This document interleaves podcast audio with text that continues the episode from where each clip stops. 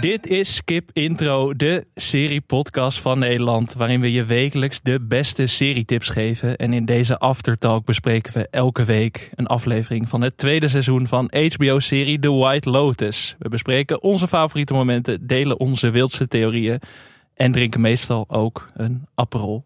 En het is een feestelijke en treurige dag tegelijk, want het is de laatste White Lotus Aftertalk. Seizoen 2 zit erop. En dus ga ik, Alex Maasreel, nog één keer napraten met twee mega-fans van de serie. Allereerst een terugkerende gast, de eerste dit seizoen. Welkom, Ernst-Jan Fout. Dankjewel. Ja, ik had mezelf eigenlijk uitgenodigd. Ja, nee, heel goed. Maar dat, dat, dat tekent de beste gasten, dat ze zichzelf uitnodigen. Ja, ik vond het volgens zo mij. leuk de eerste keer. Ja, volgens mij hebben we heel veel om te bespreken vandaag. En ook Mhm. moeten we wat terugverwijzingen doen naar de eerste aflevering. Dus in die zin is het fijn dat jij er bent.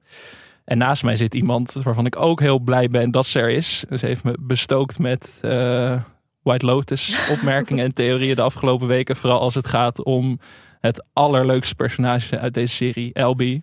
Ja, Welkom Kitty Herwijer. mooi om te zien dat ik gelijk heb gekregen. Ja, ik was ook wel blij dat jij nu pas aanschoof. Was zeg maar in de hoogtijdagen van de LB haat, vooral aan mijn kant, was het wel, was het wel ruzie geworden, denk ik. Ja? Ik denk dat, je, dat ik je toch misschien wel had kunnen overtuigen, ook toen al. Dat is ook wel zo. Dat Ja. heeft Erjan ook gedaan in de eerste aflevering. eh, in Ik was de zin. aanstichter van de LB Ja.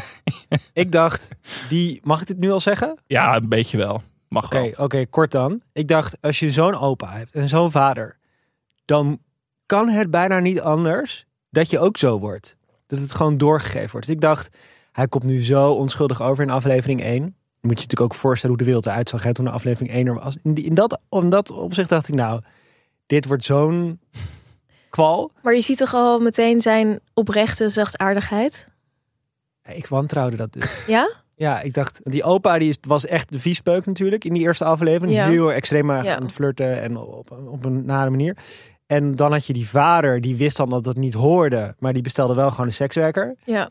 En dan dacht ik, nou, die zoon, die doet, die, want hij deed wel ook wel gekke dingen. Dat hij zo aan zijn opa vroeg van, eh, joh, eh, krijg je hem nog omhoog? Trek je, trek je nog af en zo. Dat zou ik nooit aan mijn opa durven vragen. Dus ik dacht, Ja, maar hij pestte ze gewoon een beetje, toch? Hij plaagde eh, zijn opa een beetje. ja, ik, ik dacht, ik interpreteerde dat als, als hij weet precies hoe het moet, maar daarachter zit nog steeds die, die donkere inborst van zijn, van zijn voorvaderen. Nou, daar wordt wel, wordt wel op gehind in de Mhm. laatste scène, toch? Dat hij ook, want dan komt dat meisje voorbij lopen.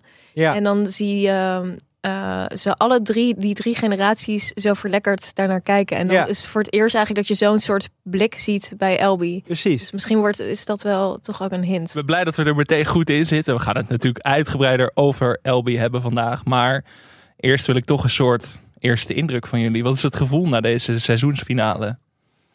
Nou, ik heb dus met deze serie altijd dat ik met twee soort van twee verschillende blikken kijk. Aan de ene kant wil ik heel graag weten waar het heen gaat, de plot. En aan de andere kant wil ik eigenlijk vooral alleen maar genieten van de dialogen. Dus eigenlijk zou je deze hele serie twee keer moeten kijken. En bij, deze, bij dit hele seizoen, maar ook zeker bij deze laatste aflevering, vochten die twee weer zo erg met elkaar. En ik vond het nu bijna een soort, want ik, was, ik leefde heel erg met Tanja en Porsche mee. Ik dacht van, ga van het jacht, ga uit de auto, ga in godsnaam naar huis. En dan toch komen er van die momenten tussen dat je dan op een gegeven moment zegt, Tanja, van eh, er zijn niet genoeg mensen bezorgd over oude gebouwen. Waar je toch weer heel hard moet lachen om de dialogen. Dus dat, dat, nou, dat is allebei zo in perfectie uitgevoerd. Ja.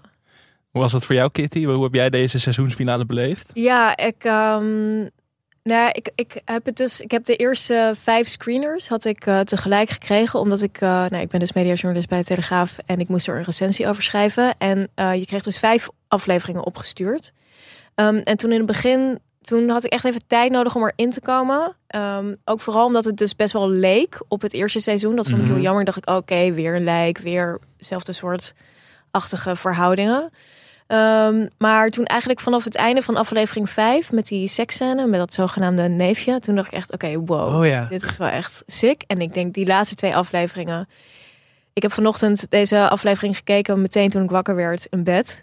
En ehm, ik, ik, ik wilde gewoon niet dat het zou ophouden. Ik vond het fantastisch. En het is, ik vond het zo geniaal. Serieus, ik was er gewoon door ontroerd hoe geniaal het is. Oh, wauw. Ja. Waren jullie dan ook nog bang voor spoilers vanochtend of zo? Dat je denkt, ik ga toch even inloggen op Twitter en dan, oh jee, een Amerikaanse uh, seriejournalist die deelt meteen een spoiler? Of dat jullie meteen zijn gaan kijken al s ochtends toen Ik jullie ben echt wakker werden? meteen om, ik heb mijn zoon naar school gebracht en toen ben ik naar een café na school gegaan en meteen gaan kijken. Wat goed. Wel heel opzichtig met een notitieblokje, want ik dacht, ik moet wel, als krijg je, de pra krijg je praatjes van dat ik eh, aan een serie aan het kijken ben om half negen 's morgens. Dus ik heb wel als een brave Calvinist het notities te maken. eh, Juice kanaal. Ja. Kijk hem niet Hoe werken. doet die Erzel Ik nou? Ja. een heel klein, klein d- dorpje in Amsterdam. Tuindorp en daar gaan heel gauw verhalen rond. Ja, dat moest ik niet hebben. Ja, ik vond het uiteraard ook fantastisch, deze aflevering. En ja, we moeten het straks misschien maar even gaan vergelijken met seizoen 1. Maar ik neig toch wel dat ik seizoen 2 nog beter vond dan het eerste seizoen. Maar voordat we naar die conclusies gaan, moeten we het gewoon maar over de aflevering zelf gaan hebben. En dan gaan we het iets anders doen dan je van ons gewend bent. We hebben normaal natuurlijk favoriet moment, eh, personage waar we het lang over moeten hebben. Maar ja, omdat er zoveel gebeurt in deze aflevering en omdat het onmogelijk kiezen was uit de scènes. Ik probeerde dit voor mezelf te doen. Ik dacht, ja, nee, ik wil over alles meepraten. Dus, eh, Mhm.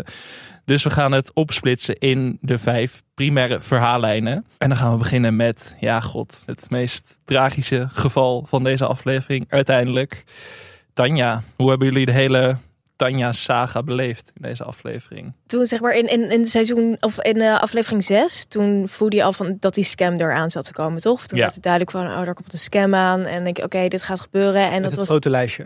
Ja. Ja. Ehm, en dan terwijl en toen begon je eigenlijk aan deze aflevering en toen nou ging dat zo verder. En dan denk je van het kan natuurlijk niet, want die Mike White is zo briljant dat je kunt voorspellen wat er gaat Nee. gebeuren. Mm. Dus ik vond dit ook weer zo geniaal dat ehm, vooral de lulligheid waarmee ze aan het einde, waarmee zij aan het einde van haar leven komt, dat is zo typerend voor haar karakter. Ja. Dus tuurlijk wordt ze niet op een of andere gruwelijke manier vermoord. Nee, ze struikelt omdat ze niet eens even haar hakken of zo heeft uitgedaan. Ja. En ehm, ook het laat zo, ze, ze sterft echt in dat onvermogen van haar. Gewoon dat onvermogen. En, en dat is heel grappig, omdat net daarvoor is ze nog. Ik bedoel, ze is echt opeens super badass, toch? Mhm. Als ze daar staat met Ja. dat geweer, dan denk je echt. Maar ook wel weer typisch Tanja. Dat ze Ik zeg vond maar het zo echt verwarrende zo... scène. Ja. Want ik dacht, wat ze, ze doet, die gozer doet de deur open, die wordt meteen neergeschoten door haar. Ja. dacht ik, oké, badass. Maar daarna wordt het gefilmd alsof, alsof ze maar in de wilde weg Ja. schiet. Eigenlijk geen controle meer heeft. En je Ja. denkt, nou, schiet nou niet je hele, al je patronen, je hele patroon leeg. En dan zie je opeens het shot dat ze de, nog twee mensen heeft neergeschoten. Toen dacht ik even van, oh wauw, dat is inderdaad badass dat je dit doet. Maar ik vond dat eigenlijk de hele reeks, met het hele seizoen met haar die afwisseling dat je denkt van, oh, ze ontsnapt aan, aan eh, dat onvermogen. Mhm. Ja. Is natuurlijk rijk luis, kind, heeft nooit voor zichzelf hoeven zorgen. En dan zijn er een paar momenten dat ze Porsche toespreekt. En, en dat ze op, toch op het heft in eigen handen lijkt Ja. te nemen. Met die shootout als een soort apotheose daarvan. En dan uiteindelijk overheerst toch weer het onvermogen van iemand die nooit voor zichzelf heeft hoeven Ja. zorgen. En dondert ze. Ja. Gaan ze niet eens een sloepje in. Want ja, Maar de hele, de hele aanloop naar die scène was al fantastisch. Op een gegeven moment, eh, eh, ze wordt natuurlijk gebeld door Porsche van er is iets mis. En dan is ze natuurlijk helemaal in de paniek en weet ze van ik moet hier nu weg. Maar ze kan niet weg. En dan echt waar ik het hardst op heb gelachen is die scène met die kapitein uiteindelijk. Die dan op- dat dek staat en dat Tanja gaat uitleggen van these gays they are trying to kill me. En dat die man die verstaat haar niet. En die zegt alleen maar van eh, ja we're all gay of zo weet je wel. En dat- Ja, dat zij dan, dan zie je ook dat dat dan indaalt. Dat zij dan denkt van, oh, hij Ja. is ook onderdeel van dit complot. Ja. Al die gay mannen die mij willen vermoorden voor mijn geld. En dat is sowieso wel heel grappig, want, want Jennifer Coolidge is natuurlijk een, een soort van is een icoon voor de gay community, als ik het goed begrijp. En Mike White heeft, speelt daar natuurlijk een beetje Oh ja. mee door deze Oh, echt? verhaallijn erin te, Grappig. in te stoppen. Maar ja, Tanja was dus het lijk dat we in de eerste aflevering Ja. zagen. Dat had ik toch niet helemaal verwacht. Ik had toch verwacht dat zij de rode draad door deze hele serie zou gaan worden. Ja, maar Ik dacht andersom. Ik dacht dat zij, wa- want we hadden een poeltje gedaan in de eerste Mhm. aflevering. En ik dacht, zij gaat Crack vermoorden. Ja. Eh, ook omdat je had natuurlijk de hele tijd dat omineuze die, die koppen, te- Tessa die moren. Mm. En da daar is het verhaal dat de man vermoord wordt. Ja. Eh, dus ik dacht de hele tijd, die lijn die gaat gevolgd, die gaat gevolgd worden. Gaat, gaat een man vermoord worden door een vrouw. Dus ik dacht, Crack wordt vermoord. Maar de echte clue was van Daphne, die tijdens de, de eerste Aperol Splitsborrel zegt dat ze graag naar Dateline kijkt. Omdat daar mannen hun vrouwen vermoorden op vakantie. Dus dat, dat was de, Dat was dus de... de- Oh. Ja, ja, ja, ja, ja. En wij dachten Ja. nog dat dat misschien gold voor, voor Voor de- Cameron of ja. zo daarin, ja. Maar hadden jullie verwacht dat, dat Tanja ook echt dood zou gaan nadat ze die man had doodgeschoten? Toen dacht ik vooral van, oh, dit is weer een voorbeeld van ze komt er waarschijnlijk weer mee weg en ze leeft weer in haar poppenbestaan voort of zo. Ik was heel erg bezig met, laat je nou niet vermoorden door de kapitein alsnog. Ik had niet verwacht dat ze inderdaad zo lullig aan haar einde zou komen. Ja ik, ja, ik vond het echt fantastisch hoe ze dan inderdaad zo struikelend richting die sloep. En dan gewoon. got this. En dat je ook dan weet van oké, nu is het echt klaar. Zeg maar, dit, dit is gewoon, dit is haar einde. Ah, ook dat Ja. perfecte shot met die opera muziek, dat ze toch nog een soort van die Madame Butterfly is uiteindelijk. Dat Ja. vond ik wel echt weergaloos. Dus Eh, aan het begin van het seizoen dacht ik van waarom is Tanja terug? Ik, ik, ik, ik genoot er wel van. En al die, die grap op die Vespa en dat Peppa Pig grapje en dat soort dingen. Vond ik heel leuk. Maar ik dacht wel van ja, is Tanja nu een soort van de joke van dit seizoen? Maar ik vind het wel heel knap dat zij een hele volwaardige arc heeft gekregen. Ja. En waar het personage heeft meer lagen gekregen dan in seizoen 1. Ja, en het is ook wel, maar het had wel even tijd nodig om Ja. op gang te komen. Want in het begin was het toch ergens een beetje karikaturaal of zo. Vond ik Mhm. ook met dat Peppa Pig. Dat, dat is wel grappig, maar dat lag er best wel dik Ja. bovenop. Zeker voor deze serie die juist zo heel gelaagd is. Maar Nou, wat grappig is aan die scène is dat die actrice die Valentina speelt, heeft dat dus geïmproviseerd, die Peppa Pig. Dat echt? in een filmpje gisteren. Oh, ja. echt? Ze wist Oh. zelf ook niet dat het de aflevering gehaald had. Ze dacht zelf, oh, dat blijft niet in de aflevering Dat is wel goed in character. Het was heel goed in character. Dus dat was, heeft Mike White dus ook niet geschreven. Dat heeft zij echt Oh, puur zelf geïmproviseerd. Maar dat, dat Tanja op het einde vraagt eh, aan die man die ze neergeschoten heeft. Dus de echte geliefde van Craig, denk ik dan. Zo. Ja, dat weten we dus niet. Want dat Nee. is ook wel een interessant discussiepunt. Van hoe zat die scam nou in elkaar? Op een gegeven moment dacht ik van, is het echt een scam? Want ze blijven maar zeggen, we willen je de tijd van je leven geven. We willen je het zo goed mogelijk voor je maken. Is wat Quentin ook tegen haar zegt. Maar ze vond een ja, en een... toen ging ik daar ook, dat ik dacht, ja, dat is ook niet helemaal waar. Maar wat was het plan? Was Nou, het ik echt- dacht dat, dat hij vertelde op een gegeven moment dat hij vroeger verliefd was geworden op een cowboy. Ja, Dat hij uit beeld was verdwenen. En dat eigenlijk zo altijd een stel zijn gebleven. Craig en, eh hoe heet die vent? Die Quentin. Brit- Quentin. Dat, dat had ik nu in mijn hoofd. Ik heb dat niet door, door, doorgedacht. Maar ik dacht dus altijd, zij zijn samengeleefd. Dit is een manier om hun leven in, in Sicilië voor te kunnen zetten. Door, door haar eh, ja, leeg te trekken. Maar waarom, ja, ik vond het dan wel een beetje raar. Waarom zou je een fotolijst of zo in je... ja dat, dat was zo gek. Want het is wel heel obvious, zeg maar. Ja. Je weet dat ze dat gaat zien dan op dat moment. Maar zij mocht eigenlijk niet in die eh, kamer komen. Ik Dat weet was zijn slaapkamer. Ik heb het gevoel dat ik daar nog iets heb gemist of zo. Ja, nee, ik had het in voor mezelf zo, ge- zo rechtgebreid. Ja, maar, ze werd doelbewust naar die kamer gestuurd vorige week met die, met die Nee, maffia Kikolo volgens Ja? mij. Ja. Het werd toch achtergelaten terwijl hij zich even omgekleed. Dus ze zelf die kamer ingelopen. ja, maar vorige week, zeg maar, toen Ja. met die kookscène toch niet? Nou ja, maakt nou, het niet maakt uit. In ieder geval. Nee, Het punt dat ik wilde maken is dat ze dan vraagt, nadat ze die, die, die man zo aan het sterven is, van heeft hij nou een Ja. affaire of niet? Dus dat ze Ja. nog steeds op zoek is naar die bevestiging. Die, de, en en ik, ik, ik vond haar echt een symbool van. Het is natuurlijk een serie met kritiek op rijke mensen. Van die iemand die in rijkdom geboren is, nooit voor zichzelf hoeven zorgen, nooit van gehouden is. En dus die, die, die hechting die, die ze nooit heeft gehad, zie je daar. En het onvermogen dat ze nooit voor zichzelf heeft gezorgd. Ik vond het echt briljant gedaan in zijn laatste scène. Zo interpreteerde ik het in ieder geval. Ik vond het gewoon heerlijk labiel. Ja. Om dan ja. zo'n vraag te gaan stellen. Ja. Ja, ik, je, je houdt toch wel een beetje... Ik vond haar in het begin dus irritant. Ook omdat ze zo gemeen deed tegen Porsche en zo. En ehm, toen dacht ik, oh, mijn sympathie gaat een beetje weg. Maar je voelt toch wel liefde of zo voor dat karakter. ja, dat is wel echt te danken aan Jennifer Coolidge, die daar wel echt een soort, toch uiteindelijk een personage voor de eeuwigheid van heeft gemaakt. Ja. volgens mij. Ja. Want ook die scène dat ze dan gaat rennen om te bellen, zeg maar, net bij dat je haar zo door dat raam ziet rennen Ja, op die boot ja, ja, en zo. ja, dat het is is ook wel heel erg goed gedaan.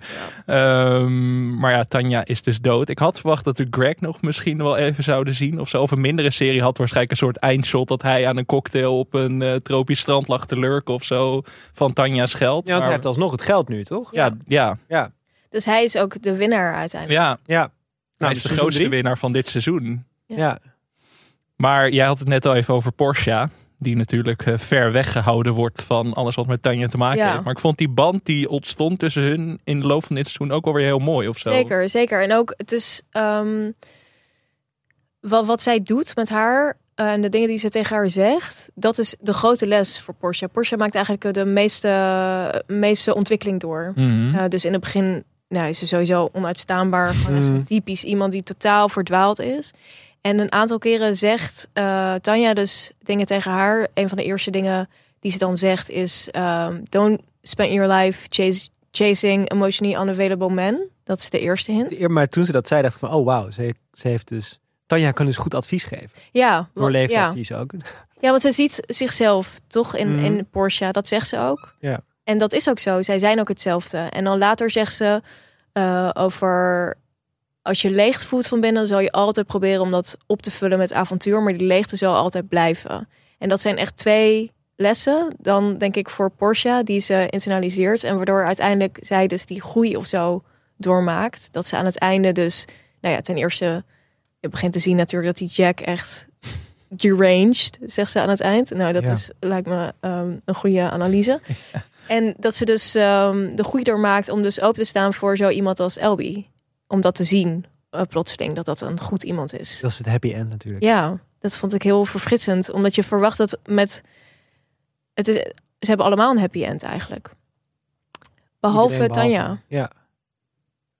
Ja, maar ze je heeft ook wel geluk gehad toch, Porsche, dat er leven gespaard wordt? Of hadden die niet Ehm, zoiets van, ze gaat er ook aan? Weet ik niet. Dat idee had ik niet. Ik, volgens mij was het wel gewoon gericht op die Tanja. En die Porsche was gewoon, die moest gewoon uit de buurt. Dat Ja. was het.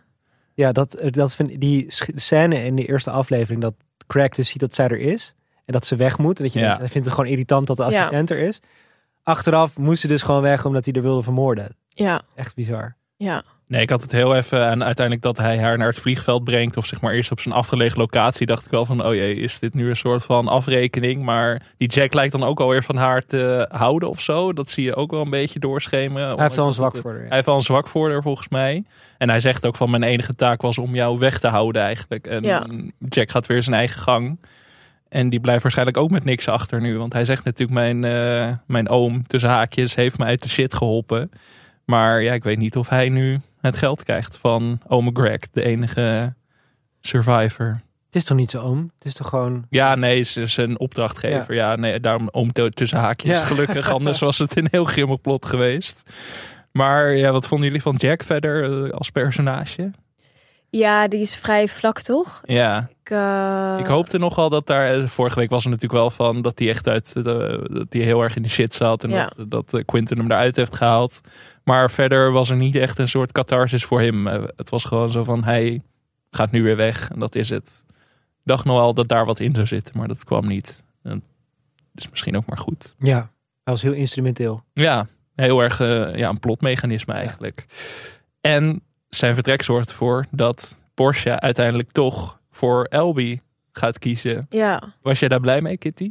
Ehm, nou, ik vind dat Elby eigenlijk beter verdient dan Porsche. Maar ehm, Oh, je bent wel tegen Porsche. nou, ik was heel erg tegen Porsche. Omdat ze is natuurlijk gewoon een heel irritant personage. Maar je voelt ook weer voor haar. Omdat ze gewoon heel verdwaald is. Mhm. En ik vind het dus wel heel goed om te zien dat ze dan leert. En ehm, het, ja, het is heel hoopgevend. Het is een heel hoopgevend einde van ook je moet lessen leren in het leven om bijvoorbeeld tot echte liefde te komen. Dus het is niet een soort van echte eh, liefde op het eerste gezicht. Dus Elby moet eerst ehm, leren wat zijn opa tegen hem zegt. Not all women are saints. Dat moet hij leren. En eh, zij moet eigenlijk leren van dit is het leven wat je zult hebben als je dit pad blijft doen. En dan ziet, ziet ze Tanja. Nou, zij zal dan de arme versie daarvan hebben met Ja. een Jack. Met zulke soort mannen altijd. En eh, dat ze altijd slecht aflopen. Dus daar wordt ze mee geconfronteerd. En dan, ja, dus dan op die manier groeien ze naar elkaar. Ik vond dat, ja, ik vond dat heel leuk en hoopvol. Maar ja, goed, dan denk je misschien passen ze dan toch wel bij elkaar. Alleen, ik vind, ja, ik vind Elby fantastisch. Dus ehm, ja, Elby heeft echt een hele goede moeder. Die, die scène dat ehm, de opa en de vader met elkaar, ik weet niet meer welke aflevering het was, ik denk 4, 5 of zo. Dat die vader tegen de opa zegt: "De- Jij was mijn voorbeeld. Je hebt me nooit laten zien hoe je wel van een vrouw kunt houden, hoe je iemand anders boven jezelf kunt plaatsen. Ja. En ik ben maar gewoon die, mal, die mal ingegaan. Ja. Toen, dat werd, toen de, die scène kwam, dacht ik: Zie, ik had wel gelijk. Elby gaat ook, ook die kant op. Maar hij breekt daar echt mee. Ja, maar is dat echt zo? Want hij, hij hij kijkt uiteindelijk als mooie het vrouw. ware ook wel een sekswerker, toch? Dat is ook zijn doel of zo. Hij wilde toch haar echt, ik geloof wel dat hij haar oprecht wilde redden. En Ja, Op een gegeven moment chanteert hij zijn vader met, ehm, ik, als je me dat geld geeft, ga ik een goed woordje voor je doen. Maar achteraf blijkt hij dat goede woordje al gedaan Ja. te hebben. Ja, Dus dat is waar. blijkt- dacht ik, oh, je bent toch wel echt een lieverd. Dus jij bent echt helemaal gedraaid in je Ja, LB.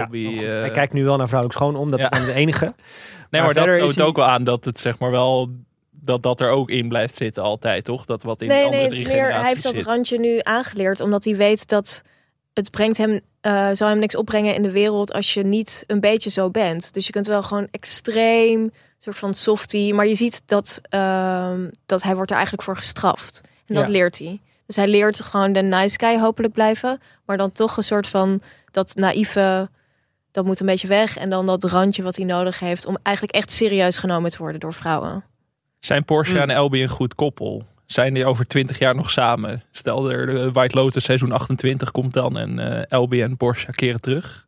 Zijn ze dan nog samen? Je vraagt eigenlijk, kunnen mensen veranderen? Ja, Want als ze niet kunnen veranderen, raakt Porsche natuurlijk op hem uitgekeken. ja zeker. Ja. Ik weet het niet. Ja, ik weet niet hoe, eh, als we het heel psychologisch willen maken, hoe diep hun patronen verankerd zijn. Zo. Ja. Ik denk, eh, het zou best kunnen. Je kunt af en toe levenslessen krijgen in je leven die, eh, die, die je altijd blij blijven. En ik denk dat als je bazin is vermoord, en dit lijkt me toch wel een redelijk Fair enough. het traumatische ervaring. Ja. Het is ook wel weer, dat, dat vond ik ook bij het vorige seizoen ook, dat je wel denkt van, oké, maar ik neem aan dat Porsche, dat dit ook best wel raar is, dat zij dan weg is. Want ik neem aan dat er politieonderzoek komt. Mhm. En dat was ook toen met ehm, eh, het eerste seizoen aan het eind. Dat je denkt, oké, Je mag eh, gewoon wegvliegen. mag jij gewoon Ja. wegvliegen. Inderdaad, Ja. als je denkt, daar gaat toch nog wel iets op gang komen. Dus daar, toen dacht ik wel van, hmm. Dat Porsche de schuld krijgt uiteindelijk. Ja, Nou ja, in ieder geval, dat, dat ja, ja. Op zijn minst voer voor ondervraging. Ja. dat lijkt me wel. Hoe hebben jullie gekeken naar, naar Dominic en Bert in deze aflevering? De, de twee oudere generaties. Hoe, hoe, veel- hoe, zijn jullie, eh, hoe denken jullie over die eindes van die verhaallijnen? Nou, best Arcs. wel soft eigenlijk toch? Want Ja. dus ehm, Dominic, eh, dat is eh Monsanto, hè? Ja, Christopher. Die, eh, die, die gaat echt zijn leven beteren. Ja, weet je niet. Want dat, er wordt dus ook met dat kijken naar die vrouw, wordt ook een beetje gehint van, gaat hij dit Mhm. kunnen vasthouden? Als hij zo Ja. verlekkerd naar dat meisje kijkt, dan dacht ik, oeh, toen dacht ik wel, oh, is dit nu weer, nu heeft hij de buit weer binnen. Ja, En Oh, nu, zo las ik die scène, ja. Oké. Ja. Maar dan nog, het lijkt wel, het, le- het leek in die, die, in die, ja, die laatste scène in het vliegveld goed alles op de open, Ja. goed Ja. alles overhoop. Maar daarvoor leek het alsof hij wel een Ja. soort diep, door een dieper dal ging dan de Hmm. vorige, waarschijnlijk tien keer. En die arme opa, ik had op een gegeven moment medelijden met die opa, die een beetje depressief aan tafel zat in de, vorige aflevering. Ja. Dat, dat hij, ze, Met dat die hij dus bij niemand ja. weer thuis meer kan komen. ja. Ik dacht bijna nog van nou, dit, die, die, die ligt in de zee omdat hij er zelf ingelopen is. Maar dat hij zichzelf dan weer herpakt en dan zo, zo een beetje oenig aan het ontbijt of bij het diner weer verschijnt. En ik vond hem wel eh, alsof hij een soort zachte kant had gekregen. Hij gaat natuurlijk nooit meer veranderen, daar is hij veel te oud voor. Ja. Maar wel een soort zachtere kant had hij. Ja, ja het zijn, dat, dat, is, dat is ook zo boeiend, toch? Want het zijn allemaal...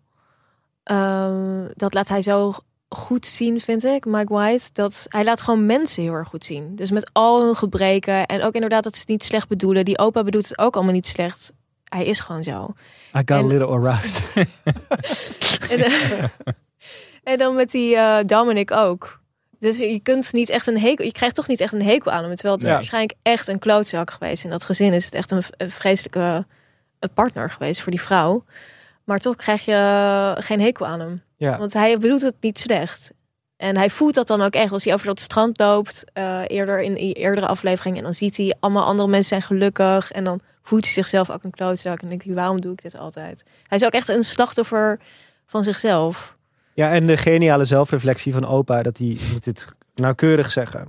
Eh, our Achilles heel is our Achilles cock. Toch een hele dappere zelfreflectie na 80 Ja. jaar. Ja, dat ik dat toch nog kon opbrengen inderdaad. Maar wel, wel bevredigd bij die, eh, door die verhaallijn. Dus Ik vond dat echt. Ik, nou, we komen zo bij een, een hele cynische verhaallijn. Maar ik vond dit ook best wel lief aflopen. Dat ze elkaar gevonden Ja. hebben, die drie generaties. Ja, dat ze echt wel dichter bij elkaar zijn gekomen Ja. ook op die vakantie. Ja, w- of dat ook geldt voor de personages waar we het nu over gaan hebben, weet ik niet. Maar we moeten het natuurlijk hebben over Harper, Ethan, Cameron en Daphne, de twee koppels. Ja, wat een broeierige bende zeg. Jezus. Kitty, brandlos. Ja, heerlijk. Harper mijn homegirl. Ja. Vanaf, eh, in het begin vond ik haar dus ook dat ik dacht van, oh ja, oké. ehm, probeer een beetje je best te doen. Maar al snel kreeg ik heel veel sympathie voor haar. Eh, in al haar bitchyheid. Net zoals Valentina, wat ook echt een fantastisch karakter is. Ehm, ja, ehm, ook weer. Ik dacht dus eerst van, zijn zij met elkaar naar bed geweest? Dat denkt iedereen, toch? Vorige aflevering dacht Ja. ik, denk, ik dacht ik van wel. En dat, die, dat visioen van Ethan op een gegeven moment, dat lijkt Ja. me realistisch. Ja. Ja. En, ehm, maar dan denk je toch weer van nee, want eh, dat is te cliché. Ja. Het is te cliché dat, dat dan ehm, zij de hele tijd de bitchy vrouw uithangt, die dan even zeg maar goed genomen moet worden door zo'n macho. Dat is Mhm. te cliché voor deze serie. Dus het zit inderdaad gewoon in dat soort complexe spel, waarin zij dus ehm, eigenlijk leren van dat andere stel. Mhm. En wat het eigenlijk, ik weet niet, ik had het idee van zij staan voor ehm, de pijn van eh, emancipatie in relaties. Dus Cameron en Daph- Daphne zijn eigenlijk een heel traditioneel stel. Eh, en daardoor weten ze heel veel spanning in hun relatie ook te houden. Ehm, en zij zijn een heel geëmancipeerd stel. Dus alles bespreken en helemaal een soort van eerlijke openheid en zo. En daarmee ehm, missen ze eigenlijk een beetje dat element wat die relatie spannend houdt. Ehm, en zij- Cameron is eigenlijk de les, denk ik, voor, voor dat stel. Een beetje zoals in het eerste seizoen, dus de les ehm, dat redden aan het eind. Weet je nog? Dat, ehm, shit, ik weet die namen nu niet meer. Nee, ja, die, die, die personage ben ik ook vergeten. Maar wel, wel nee, dan wat, snel welke we dat verhaallijn? Of weet je niet? Ja, dat is met die, die eh, vrouw die dan met die man die, die eigenlijk een beetje gecastreerd is. En dan Oh, ja, ja, ja. hem in Ja. zijn mannelijkheid. Ja. Ja. Omdat hij dus dan haar zogenaamd redt. Red. Oh, ja, ja, ja. ja. Dat, dat element zit hier ook in. Ja. Dus Ethan kan haar weer... Die, je hebt dat uiteindelijk een soort van... Het gaat heel erg over primitieve gevoelens van mensen. Primitieve gevoelens van aantrekkingskracht. Eh, dus hij voelt dan weer zoiets... eh, het idee dat iemand anders eh, seks heeft gehad met een vrouw. Dat is wat dat losmaakt in hem. Mhm. Ehm, dat vond ik heel boeiend om te zien. En ook omdat die relatie van Daphne en Cameron dus ook wel eigenlijk een goede relatie is. Echt waar? Ja, Oh, ik zag daar, ik dacht, twee, soort twee blikken bij allebei te zien waarvan ik dacht, oh, dit is totale ellende ook voor hen allebei. ja, Nou, het eerste moment, hij heeft, ze heeft natuurlijk een buitenechtelijk kind met, die, Mhm. met de trainer. Ja. En op een gegeven moment staat hij zijn tanden te flossen of zo. En is hij aan het FaceTime met de, met de kinderen. oh ja. En dan doet hij alsof hij haar niet hoort. En ik, goed, ik las daarin, in die paar seconden, dat hij eigenlijk niet van die kinderen houdt, omdat hij ook wel weet dat het niet zijn kinderen zijn. Want hij wilde echt niet komen, hij wilde echt niet naar de telefoon komen. Hmm. En dat moment dat Ethan aan eh, Daphne vertelt dat, dat hij denkt dat Cameron en, Cameron en Harper met elkaar naar bed zijn geweest. ja. Dat ze dan heel even haar masker afvalt. En dan kijkt ze zo richting de oceaan. Dat zien wij dan. En dan zie je echt, ik zag echt verdriet op haar gezicht. Dan herpakt ze zich en dan komt ze weer met de theorie die ze ook al tegen Harper heeft verteld. Van je moet je gewoon een manier vinden waarop je geen slachtoffer wordt. En dan leidt ze hem als een soort Hades naar de onderwereld. Om daar Ja. met elkaar naar bed te gaan, denk ik dan. Ja, gekke scène. Want ik dacht eerst eh, gaat iets met Ethan, eh, zeg maar, gaat ze hem van die, van die, van die berg afflikkeren of zo? Wat was dat? Ik dacht gewoon, ze, zij Ja. voelen zich allebei geen slachtoffer meer als ze met elkaar naar bed gaan. Hmm. Dus ik, daar, daar dacht ik in te lezen van... Die relatie werkt eigenlijk toch ook niet. Nou, ik denk wel dat hij gaat eindigen in een scheiding en een vechtscheiding waarin ze Ja. elkaar heel erg haten. Ja. Het is wel echt heel typisch voor dit soort Ja. koppels. Maar op het moment zelf denk ik, heb, ik heb wel het gevoel dat ze van elkaar houden en dat Cameron ook echt van haar houdt. Want op het moment dat hij dan, dat ze praat bijvoorbeeld dat zij bijna stierf tijdens de Mm. bevalling, dat, Ja. dat lijkt wel oprechte emotie. Dus, en ze hebben het ook wel echt leuk met elkaar, denk ik. Uh, maar het zijn ook denk ik mensen die heel erg verslaafd zijn aan zo'n soort dynamiek. Ja. Ja, die machtsdynamiek. Ja. Ja, het is, natuurlijk alles is grijs tint in deze serie. Ja, Maar sowieso die scène met, met Ethan op dat strand, daar verdient eh, de actrice Megan Fanny wel echt, of Megan zij is een Fahey, sorry. fantastische Zij is echt geweldig. Want even die blik, je ziet Ja. haar zeg maar heel, heel terug kijken. En dan schakelt ze om en zegt ze van ja, iedereen heeft geheimen. En ik weet soms hun eigen geheimen niet eens meer, zegt ze op een gegeven moment. Zo knap en subtiel gespeeld. Ja. Vond ik Ja. echt waanzinnig goed. Dat je... Maar hadden jullie dat idee ook dat zij eigenlijk eh, dat belichamen van, van die emancipatie, van de meer gelijkheid tussen man en vrouw? Zagen jullie dat ook zo? Of Ik vond hen op een manier ook wel eh, geëmancipeerd dat ze aan elkaar gewaagd zijn. Er zat geen ongelijkheid in die, in die relatie. Toch in een klassieke relatie zit er toch een, zat er altijd een ongelijkheid tussen man en vrouw. Was de vrouw altijd het slachtoffer. Eh, met de man met zijn buitenvrouw. En nu, nu daag, zij pakt hem telkens terug. Ze heeft een kind bij, bij de trainer. En het is wel, ik vond het wel een soort geëmancipeerd in op een, op een gestoorde manier. Ja. In de gelijke machtsdynamiek. Hm. Zij was wel echt partij voor hem en vice versa. Ja. Eh, ja, en ze is natuurlijk ook gewoon een hele slimme vrouw. Maar het is gewoon een hele slimme vrouw die altijd het spel heel goed kan meespelen, denk Ja. ik. Ja, precies. Maar denk jij dat ze liever dat spel niet zou hoeven spelen? Dus dat in die, in die zin toch een ongelijke relatie is? Ja, ik weet het niet, want ik denk dat, dat er ook gewoon heel veel vrouwen zijn die zo zijn. Mhm. Ehm, dus die dat ook prettig vinden. Ehm, dus ja, zij zijn natuurlijk wel gewoon echt heel andere types. Ja. Ja. Maar wie denk je dat eh, ehm, blijer is met zijn leven? Harper of Daphne? Met haar Nou, ik denk dat. Harper een stuk blijer is met haar leven sinds, eh, sinds ze op deze, eh, deze vakantie is geweest. Mm.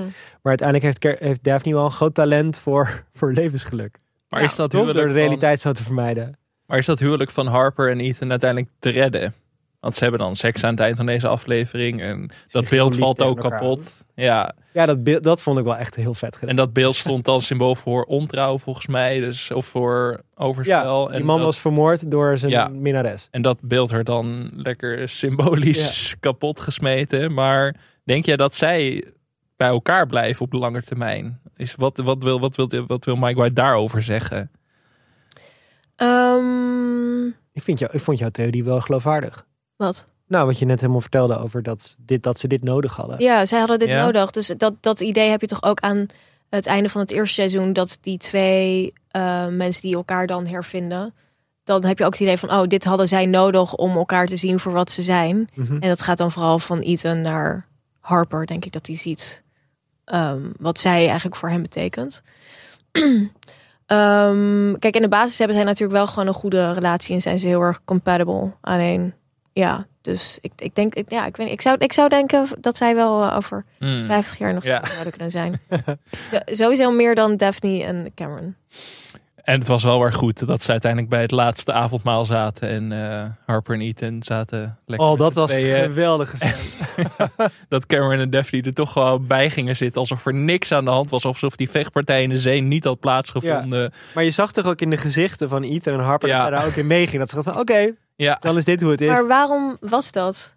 Zeg maar, waarom, waarom ehm, zou Cameron, toen begon ik te denken, zou Cameron Ethan gewoon een favor hebben gedaan? Dat hij een soort van dit wist van, ik moet dit doen om, dit is wat jij nodig hebt om je vrouw te zien. Ik denk dat je hem wel wat te veel credit geeft. Ja, want Ja, ik vond het zo... een hele simpele dude die alleen maar geld wil verdienen en, en de zijn lul achterna loopt. Nee, maar ik denk dat hij wel intuïtief gewoon heel goed mensen aanvoelt. Een beetje als een sociopaat. Ja, want ja, was hij een sociopaat? Ik had dus niet zo'n hekel de- aan hem of zo. Nee? Nee. Want hij heeft het toch wel daadwerkelijk, hij heeft toch daadwerkelijk geprobeerd de, vanaf moment, vanaf aflevering 1 geprobeerd de, ze de, met de vrouw van zijn beste vriendenbed te gaan. Mhm. Ja, maar het was ook wel gewoon Hij een kleedt soort... zich in aflevering 1 voor, zich, voor haar uit. Ja, oké. Maar ik had ook het idee dat het gewoon een soort plaag, het plagen is. Ook dat hij haar dan zo, als ze zo eh, onder de tafel, dat hij haar dan zo pakt terwijl ze dan dronken is en zo. Ik dacht, oh, dat kan ook een soort gewoon plagen zijn. Omdat hij wel ziet wat zij is of zo. Ja. Waar dat, waar, waar dat vandaan komt dat ze zo bitchy doet. Of dat ze gewoon, ja, dat hij dat leuk vindt. Maar dat is dus anders dan de analyse van, eh, van eh, Ethan die zegt je wil gewoon altijd met de vrouw naar bed die mij leuk vindt. Ja, dat is natuurlijk, dat is, dat is hij natuurlijk ook. Ik vond het lastig. Ik vond het lastig om Cameron denk ik uiteindelijk echt te lezen. Misschien is hij ook wel gewoon niet zo heel goed te lezen. Ja. En veel gehoorde theorie was natuurlijk dat hij eigenlijk blut zou zijn. Maar dat Ja, bleek uiteindelijk niet helemaal uit deze aflevering. Nou, hij wilde gewoon dat hij met zijn geld bij hem kon investeren, toch? Ja, Hij wil eigenlijk gewoon mee verdienen aan Ethan. precies dat. Ja, en hij geeft eenvoudig. uiteindelijk wel het geld aan, eh, aan Lucia natuurlijk. Wat ze nog het goed had. Dat was Ja. natuurlijk zo'n zo'n beetje een red flag van... oh, heeft hij geen geld meer? Kan hij die prostituees niet betalen? Maar zelfs dat deed hij gewoon. Dus eh toont ook maar weer aan dat al die theorieën die we hier hebben opgeworpen de afgelopen weken... ja maar dat zou dan toch ook waar. weer, dat zou dan ook weer te cliché zijn voor Ja. deze serie. Want ook omdat natuurlijk Daphne ging daarna nog gewoon dat landhuis afhuren. Nou, ik neem aan dat ze dat niet van haar eigen geld doet, doet en shoppen en noem maar op. En dan zou hij niet een paar, wat was het? 1800 euro of Ja. zo, zoiets. Ja, Inderdaad dan meer zien ook de laksheid. ja, precies. Lak heeft of zo eraan. Maar wat je zegt over die theorie, we hebben natuurlijk in de eerste aflevering heel veel theorieën gevormd. En er wordt natuurlijk echt, ik heb hem net even teruggeluisterd. Oh, en die Jezus. eerste aflevering wordt echt eh, de een na de andere hint gegeven. De grootste hint natuurlijk die koppen die je het ziet. Van Ja. een man Ja, wiens kop is afgehakt omdat zijn minnares erachter kwam dat hij al een gezin had. Dus daardoor denk je, de, en dat wordt dan zowel in de context van Ethan en eh, Harper getoond, dat dat het naast hun bed staat. Nou, dat komt mooi symbolisch Mhm. ten val. Dus je weet, met hen komt het goed. Maar er staat ook een, een seksscène in de eerste aflevering tussen eh, Tanya en Craig. Oh ja. Waarbij ze dan wil stoppen omdat ze zijn, eh, het hoofd van Moore op zijn hoofd ziet. oh. En dat is dus eigenlijk achteraf gezien Ja. een soort dikke hint. Ja, En dat, ze, dat, Daphne, dat eh, ja, Daphne dus zegt dat ze zo van deadline houdt omdat mannen hun vrouwen daar vermoorden. Oh ja. Dus worden allemaal, werden wel allemaal van die opzetjes gedaan. Maar dan nog zaten we er in aflevering 1 allemaal, allemaal naast. ja, hebben we echt alleen maar Niemand heeft gezegd. Ja. Eh eh, Tanja wordt vermoord door Greg. Nee. Dus Nee. in die zin is het inderdaad een ongrijpbare serie. Er zit gewoon geen cliché in. Ja, dat maakt het heel goed, toch? Ja. Laten we nog eventjes eh, qua verhaallijnen gaan afronden met Valentina, Lucia en Mia. Zo, die hadden wij echt onderschat, Valentina. In de aflevering. Zo, ja. Ja, maar Lijkt ook gewoon een gevoelsleven te hebben. Ja, maar je gaat al heel snel denken, oh, die gaat een beetje zo'nzelfde kant op als, eh, als de hotelmanager in seizoen 1 misschien of zo. Dat weer zo iemand die eigenlijk al die mensen kut vindt en dan in een soort van, eh, hoe zeg ik dat, neerwaartse spiraal belandt. Ja. Maar eigenlijk is Valentina juist zeg maar veel gelukkiger dan ze aan het begin van het seizoen was. Bevrijd. Ja. Bevrijd. Ja, ook weer heel hoopvol, toch? Ja, Want Ja. je denkt ook op het moment dat ze ehm, een beetje verliefd wordt op dat meisje wat bij haar werkt. Ik weet even haar naam niet meer. Eh, Isabella. Isabella. Dan denk ik, oh, dat gaat zo verkeerd aflopen. En dan loopt het uiteindelijk niet verkeerd af. En ik vond het zo dat ze haar dat dan ook zo gunt, uiteindelijk. Omdat Ja, en dat wel- Rocco ook weer terug mag komen Ja. bij de balie. En Ja. dat, dat die arme Salvatore, echt Ja. de man met het, de grappigste stem van dit seizoen volgens mij wel. Dat zegt, to the beach house. Ja, ik weet niet, meteen een soort Super Mario vibes bij hem. Maar dat die weer gewoon weg wordt gestuurd. En dat Ja. het wel gewoon echt een lieve daad is. En dat zij echt naar haar personeel dus ook wel bereidwillig is om goed te zijn. En dat, dat goed zijn, dat, dat is in The White Lotus best wel, of in het universum van deze serie natuurlijk best wel, nou, een unicum, Ja. denk ik. Dus Valentina is bevrijd en die gaat nu met Lucia en Mia elke week eh, op pad, denk ik. Want Lucia en Mia zijn er heel rijk van geworden Ja, van deze week. ja, ik vond, 50.000. Ja, ja, Want die, die zogenaamde Poirier was dus gewoon een vriend van. ja. Blijkt uit de laatste scène. ja. Hmm. En die was dus ook al te zien in die eerste aflevering. En toen waren ze heel vriendschappelijk met elkaar. Dat Oh, was oké. volgens, mij, volgens mij was het Anna Luna Post die dat ook zei. Van, die zat al in de eerste aflevering en toen waren ze heel vriendschappelijk. En ineens was hij dan de, de kwaaie pooier, zeg maar. Dus dat was gewoon één Eén grote lange scam. Ja, Ik heb echt, nou ja, dat misschien zegt het iets over mijn naïviteit. is heel lang geloofd dat ze echt samen lekker naar Los Angeles zouden gaan. Maar nee. ja, ik hoopte dat ook ergens. Ja. Ik dacht Ja. van, oh, ik vond ze wel gewoon een heel leuk, lief wel stel. lief En samen, ja. Ik vond dan ook heel cool van Elby dat hij dan met haar zou gaan. Maar ja, het is gewoon te cliché om dan inderdaad zo'n reddersding van, oh, dat arme meisje. En dan, Nou, ze redden zichzelf in principe. Net als Mia, dat die nu die Giuseppe, die, die, eh, die pianist eruit heeft gemanoeuvreerd met al haar acties. Ja. Maar zij redden zichzelf. Ze hebben geen hulp nodig van anderen. nee, nee, ze hoeven niet gered te worden. Echt jammer dat Dominic niet heeft hoeven te vertellen dat hij met haar naar bed is geweest. Nee, maar dat was ook weer een cliché geweest, zo'n scène. Ja, oké. Dus ik ben juist wel Toch blij dat dat er niet in zat. Ja, dat, dat wel. Ik vond het heel leuk dat je haar dan ehm, zo lekker door die straat ziet paraderen met super dure kleding aan. Gewoon helemaal lekker. Ja, dat, eh, dat vond ik heel grappig. En ook nog wel genoten van de scène waarin Mia dan aan Bert vertelt van ik mag blijven. En eh, Bert echt als nummer één fanboy daar zeg maar helemaal blij mee is. En dan uiteindelijk dus nog toch moet zeggen van ja, a little bit aroused. Dat ik dacht van oh Bert, wat doe je nou joh? Maar dat heb ik toch wel weer heel hard om gelachen. Maar Ja, dus sowieso. Maar Mia is ook wel. ehm, ehm, die dynamiek tussen Valentina en Mia is toch ook gewoon wel echt heel leuk. ja, want Dat zij, eh, dat sowieso die actrice die Valentina speelt. Ik hoop dat we daar ook veel meer van gaan zien. Want ik Ja. vond haar echt geweldig. ja, zij was. Want Mia, daar verwacht ik de hele, daar werd even gehint van. Zij, zij wordt ook zo transactioneel als eh, Lucia. Mhm. Maar uiteindelijk is zij, oké, ze gebruikt Valentina wel Ja. om die maan te krijgen. Maar daarna laat ze er niet vallen. Nee, Ze geeft wel gewoon advies waar naar welke bars ze moet gaan. Dat ze nog een paar leuke vriendinnen voor haar heeft. ja. Ook best wel. Eigenlijk, eigenlijk is het een, een heel zoetsappige serie. voor een cyni- één cynische Ja, verhaal. dat is en, grappig, hè? Dat is echt, want dat het echt zo aan het eind, ja, zo, zo happy allemaal is. Ja, want dat was in seizoen 1 wel minder. Toen had je natuurlijk wel die zoon van, van het rijke echtpaar die dan daar Ja. bleef op Hawaii om daar te gaan, te Ja, en gaan die roeien met die mensen. dus die weer goed kwam. Ja, dat wel. Eh, maar verder, nou goed, waren er echt heel veel. Ja, dat was het wel miserie. Je had natuurlijk de trophy wife die bij die, bij die eikel bleef en zo. Of, eh, Ja, maar je had dan ehm, Jennifer Coolidge, die natuurlijk ook een happy end had. Ja. Leek te hebben. leek te hebben. Skip intro. Laten we nog even gaan uitzoomen over dit seizoen. Alles wat we nog kwijt moeten over dit seizoen, wat we nog niet hebben besproken. Eh, jij wou het nog hebben over de dreigende natuur. ja, ik vond dat de hele tijd zo'n mooie stijlvorm. Dus ik dacht, nou, poëtisch. Mhm. Maar Mike White, ik la- las een interview met hem bij NPR. Die blijkt dus in, aan Survivor te hebben meegedaan in 2018. En ehm, dat heeft hij 39 dagen volgehouden. En hij heeft gewoon die dreigende natuur heeft hij uit Survivor gekopieerd.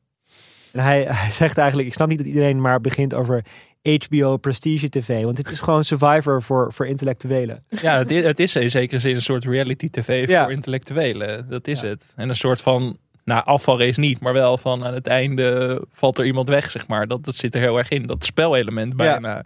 En dat wij hier elke week gaan zitten raden van wie blijft er over. Of Gewoon zo. reality. Ja, En ik vond het wel heel mooi dat er zo dik bovenop lag dat hij dat de Etna Ja. de hele tijd de, bewaard heeft tot het aller, allerlaatste moment.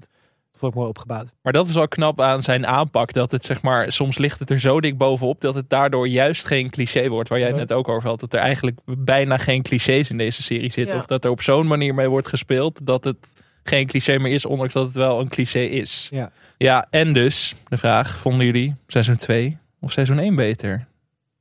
Onderspot. Ja, het, eh, ik had dus die eerste vijf afleveringen gekregen. En toen moest ik dus een recensie daarover schrijven. En toen had ik dus gezegd, het komt heel dicht in de buurt. Maar seizoen 1 was zo perfect. Zo geniaal. Ja, ik ben, ben een groot fan, zoals jullie merken. Eh, en zo goed, gelaagd ja. dat het ehm, dat eigenlijk niks eraan kan tippen. En ik had dus het idee van, ja, het is te veel herhaling. Het is weer een lijkt dus zus en zo. Dus toen dacht ik, ehm, toen niet. Maar ik denk eigenlijk nu ik de laatste twee afleveringen heb gezien, dat het misschien wel beter is dan het eerste seizoen. Ja. Ik vind het echt heel erg goed. Het, het is, wij heeft een heel ander thema. Want het eerste was eigenlijk misschien nog iets serieuzer. Dus echt over klasse Ja. en ras. En hier is er eigenlijk meer sympathie voor de karakters ook. En het eerste seizoen ook Het wel gaat hoor. alleen maar over seks. En dit is echt, gaat echt over seks. Ja. En ehm, ja, ik vond het toch gewoon wel echt weer.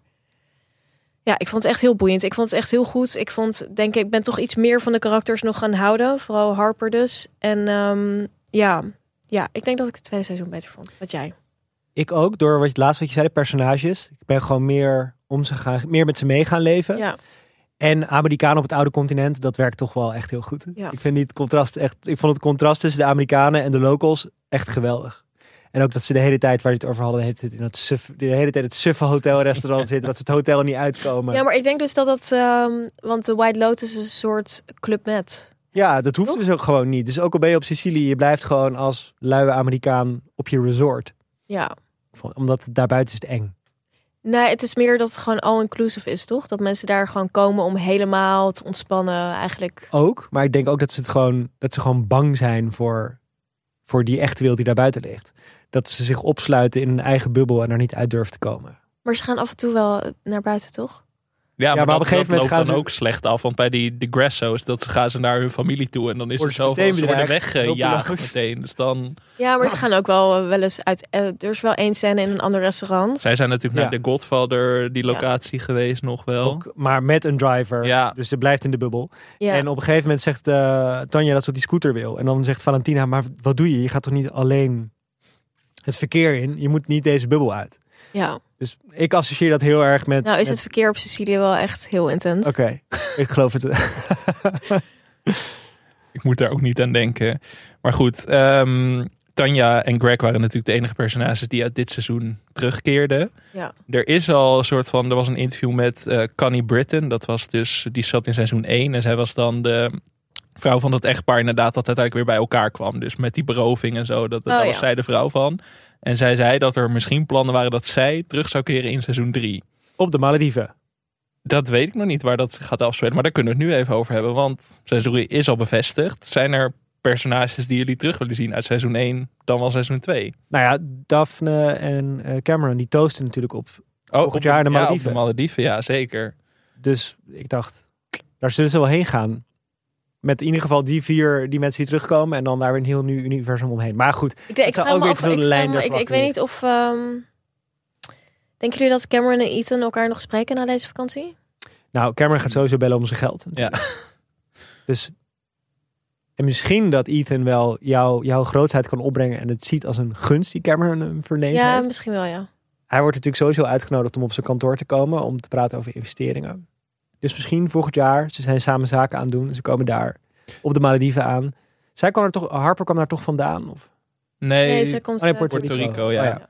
Nou, en, en Ethan heeft dus een soort van geleerd van Daphne van ik moet oblivious zijn. En misschien is hij dat nu ook wel naar Cameron toe. Dat hij denkt van, nou ja, laat ook allemaal maar. Ik, ik ga jou ook gebruiken. En hij heeft wraak genomen op Cameron. De ultieme Ja. wraak genomen door nou eens een keer met een vrouw van hem naar bed te gaan. Ja, Denk ik. Dat, we, dat zullen we nooit helemaal weten. Maar ehm, hopen jullie dat jullie nog personages terug gaan zien? Nou, ik vond ze wel aardig rond. Ja, toch? Dus ik vond eigenlijk... Ja, ik vind eh, ja, voor mij... Ik, ik weet niet of er nog echt iemand is waarvan ik denk... Daar eh, is nog heel erg iets... Kijk, met Tanja was natuurlijk... Ja, dat, dat, die kan je oneindig, zeg maar. Maar dat wordt op een gegeven moment dus inderdaad karikaturaal. Dus het is goed dat zij nu... Dat haar verhaallijn is geëindigd. Maar De ik zie niet slechtere echt- maker, die had haar wel nog gehouden, denk ik. Die had Ja. haar niet dood laten gaan in dit seizoen. Die had dat gewoon volledig uitgemolken en zo van Jennifer Coolidge blijft de comic relief in alle seizoenen van The White Lotus. Ja. Maar ik ben blij dat Mike White dat niet gedaan heeft in ieder geval. En komt Greg weer terug. Dat Ja, maar want dat, dat zeiden jullie wel ook in de podcast, toch? Van misschien gaat het eigenlijk over Greg. Ja. En hij, hij de hele tijd mensen aan het scammen is. Ja, Dat zou wel vet zijn. ja, dat hij White volgend jaar weer heel iemand anders uit het scammen is. Ja, dat hij altijd als een soort één of twee afleveringen per seizoen dat hij even opduikt en dan heel irritant is en dan weer verdwijnt, maar wel aan alle touwtjes trekt. ja eigenlijk moeten we seizoen 1 terugkijken. En nu met Ja. de blik van nu naar Greg kijken. Hoe die het daar aanpakt.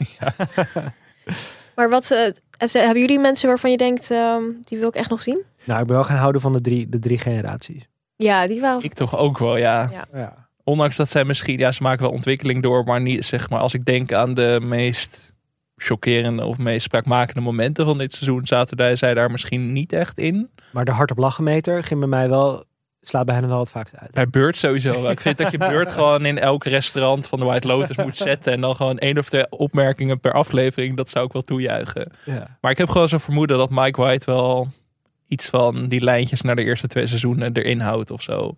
Op wat voor manier dan ook. Hebben jullie nog een locatie, seizoen 3? Dat je denkt van ga daarheen. Of een setting van we kunnen naar de sneeuw, we kunnen naar eh, Zuid-Amerika, het oosten. Wat... Ja, je zou denken dat het misschien dan leuk is om een keer niet in de zon. Maar aan de andere kant geeft het zo goed dat vakantiegevoel. dat weer, en wat broeierige. Ja, wat ik dus ook heel knap vind, is dat je krijgt heel erg, ehm zo seizoen 1 als seizoen 2, is vakantie kan ook heel vaak een soort nachtmerrie zijn.